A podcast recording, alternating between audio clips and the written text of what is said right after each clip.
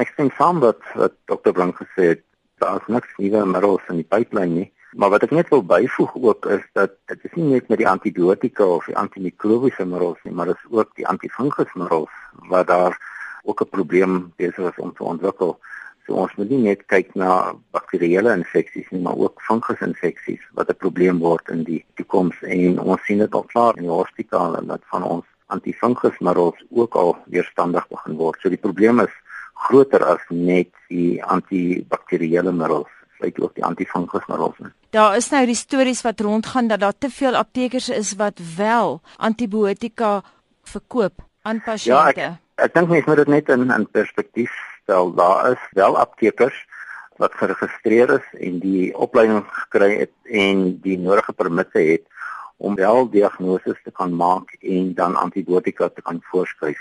So ek dink dis die eerste punt dat 'n mens wel aptekers kry wat dit wetlik kan doen, hulle het die permit daarvoor. En ek dink dan meeste van die aptekers wat ek ken is baie eties in hulle praktyk. So mens moet al versigtig wees om net 'n algemene standpunt te maak dat dit baie gebeur. Ek dink nie ons het enige studies wat bewys hoeveel dit wel gebeur en indien dit wel gebeur nie. Ek dink soos in enige beroep het mense seker maar die uitskieters, maar ek dink dis waar die die opleiding moet inkom. Kom ons eh, praat 'n bietjie oor opleiding want jy is baie nou daarbey betrokke. Ja, Dr. Blank het genoem van die kliniese apteker en hier by by Medunsa is ons een van die twee universiteite in die land wat heidaglik kliniese aptekers oplei. Ons is terdeur bewus van die situasie en ons bied uh, meestersgraad in in kliniese aptekerswese aan en heidaglik het ons so 80 studente in die in die program.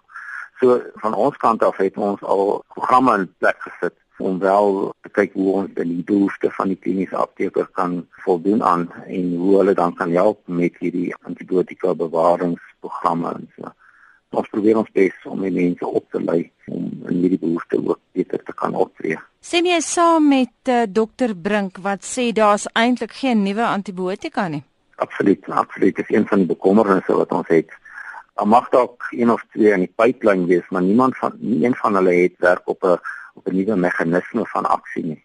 Dit wat nuut is, gaan nou maar net dieselfde pad loop. Daar uh, hy vang nie die bakterie of die fungie aan op 'n ander meganisme nie.